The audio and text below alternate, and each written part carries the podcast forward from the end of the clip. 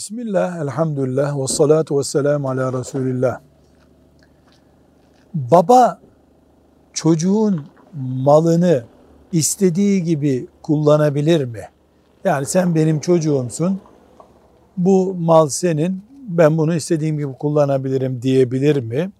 Cevap olarak diyoruz ki, her insanın malı ona aittir. Babadır, annedir diye bir insan başkasının malına el koyamaz.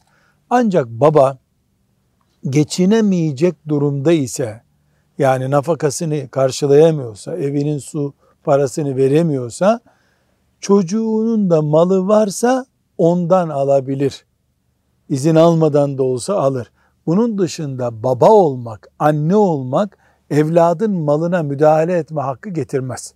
Velhamdülillahi Rabbil Alemin.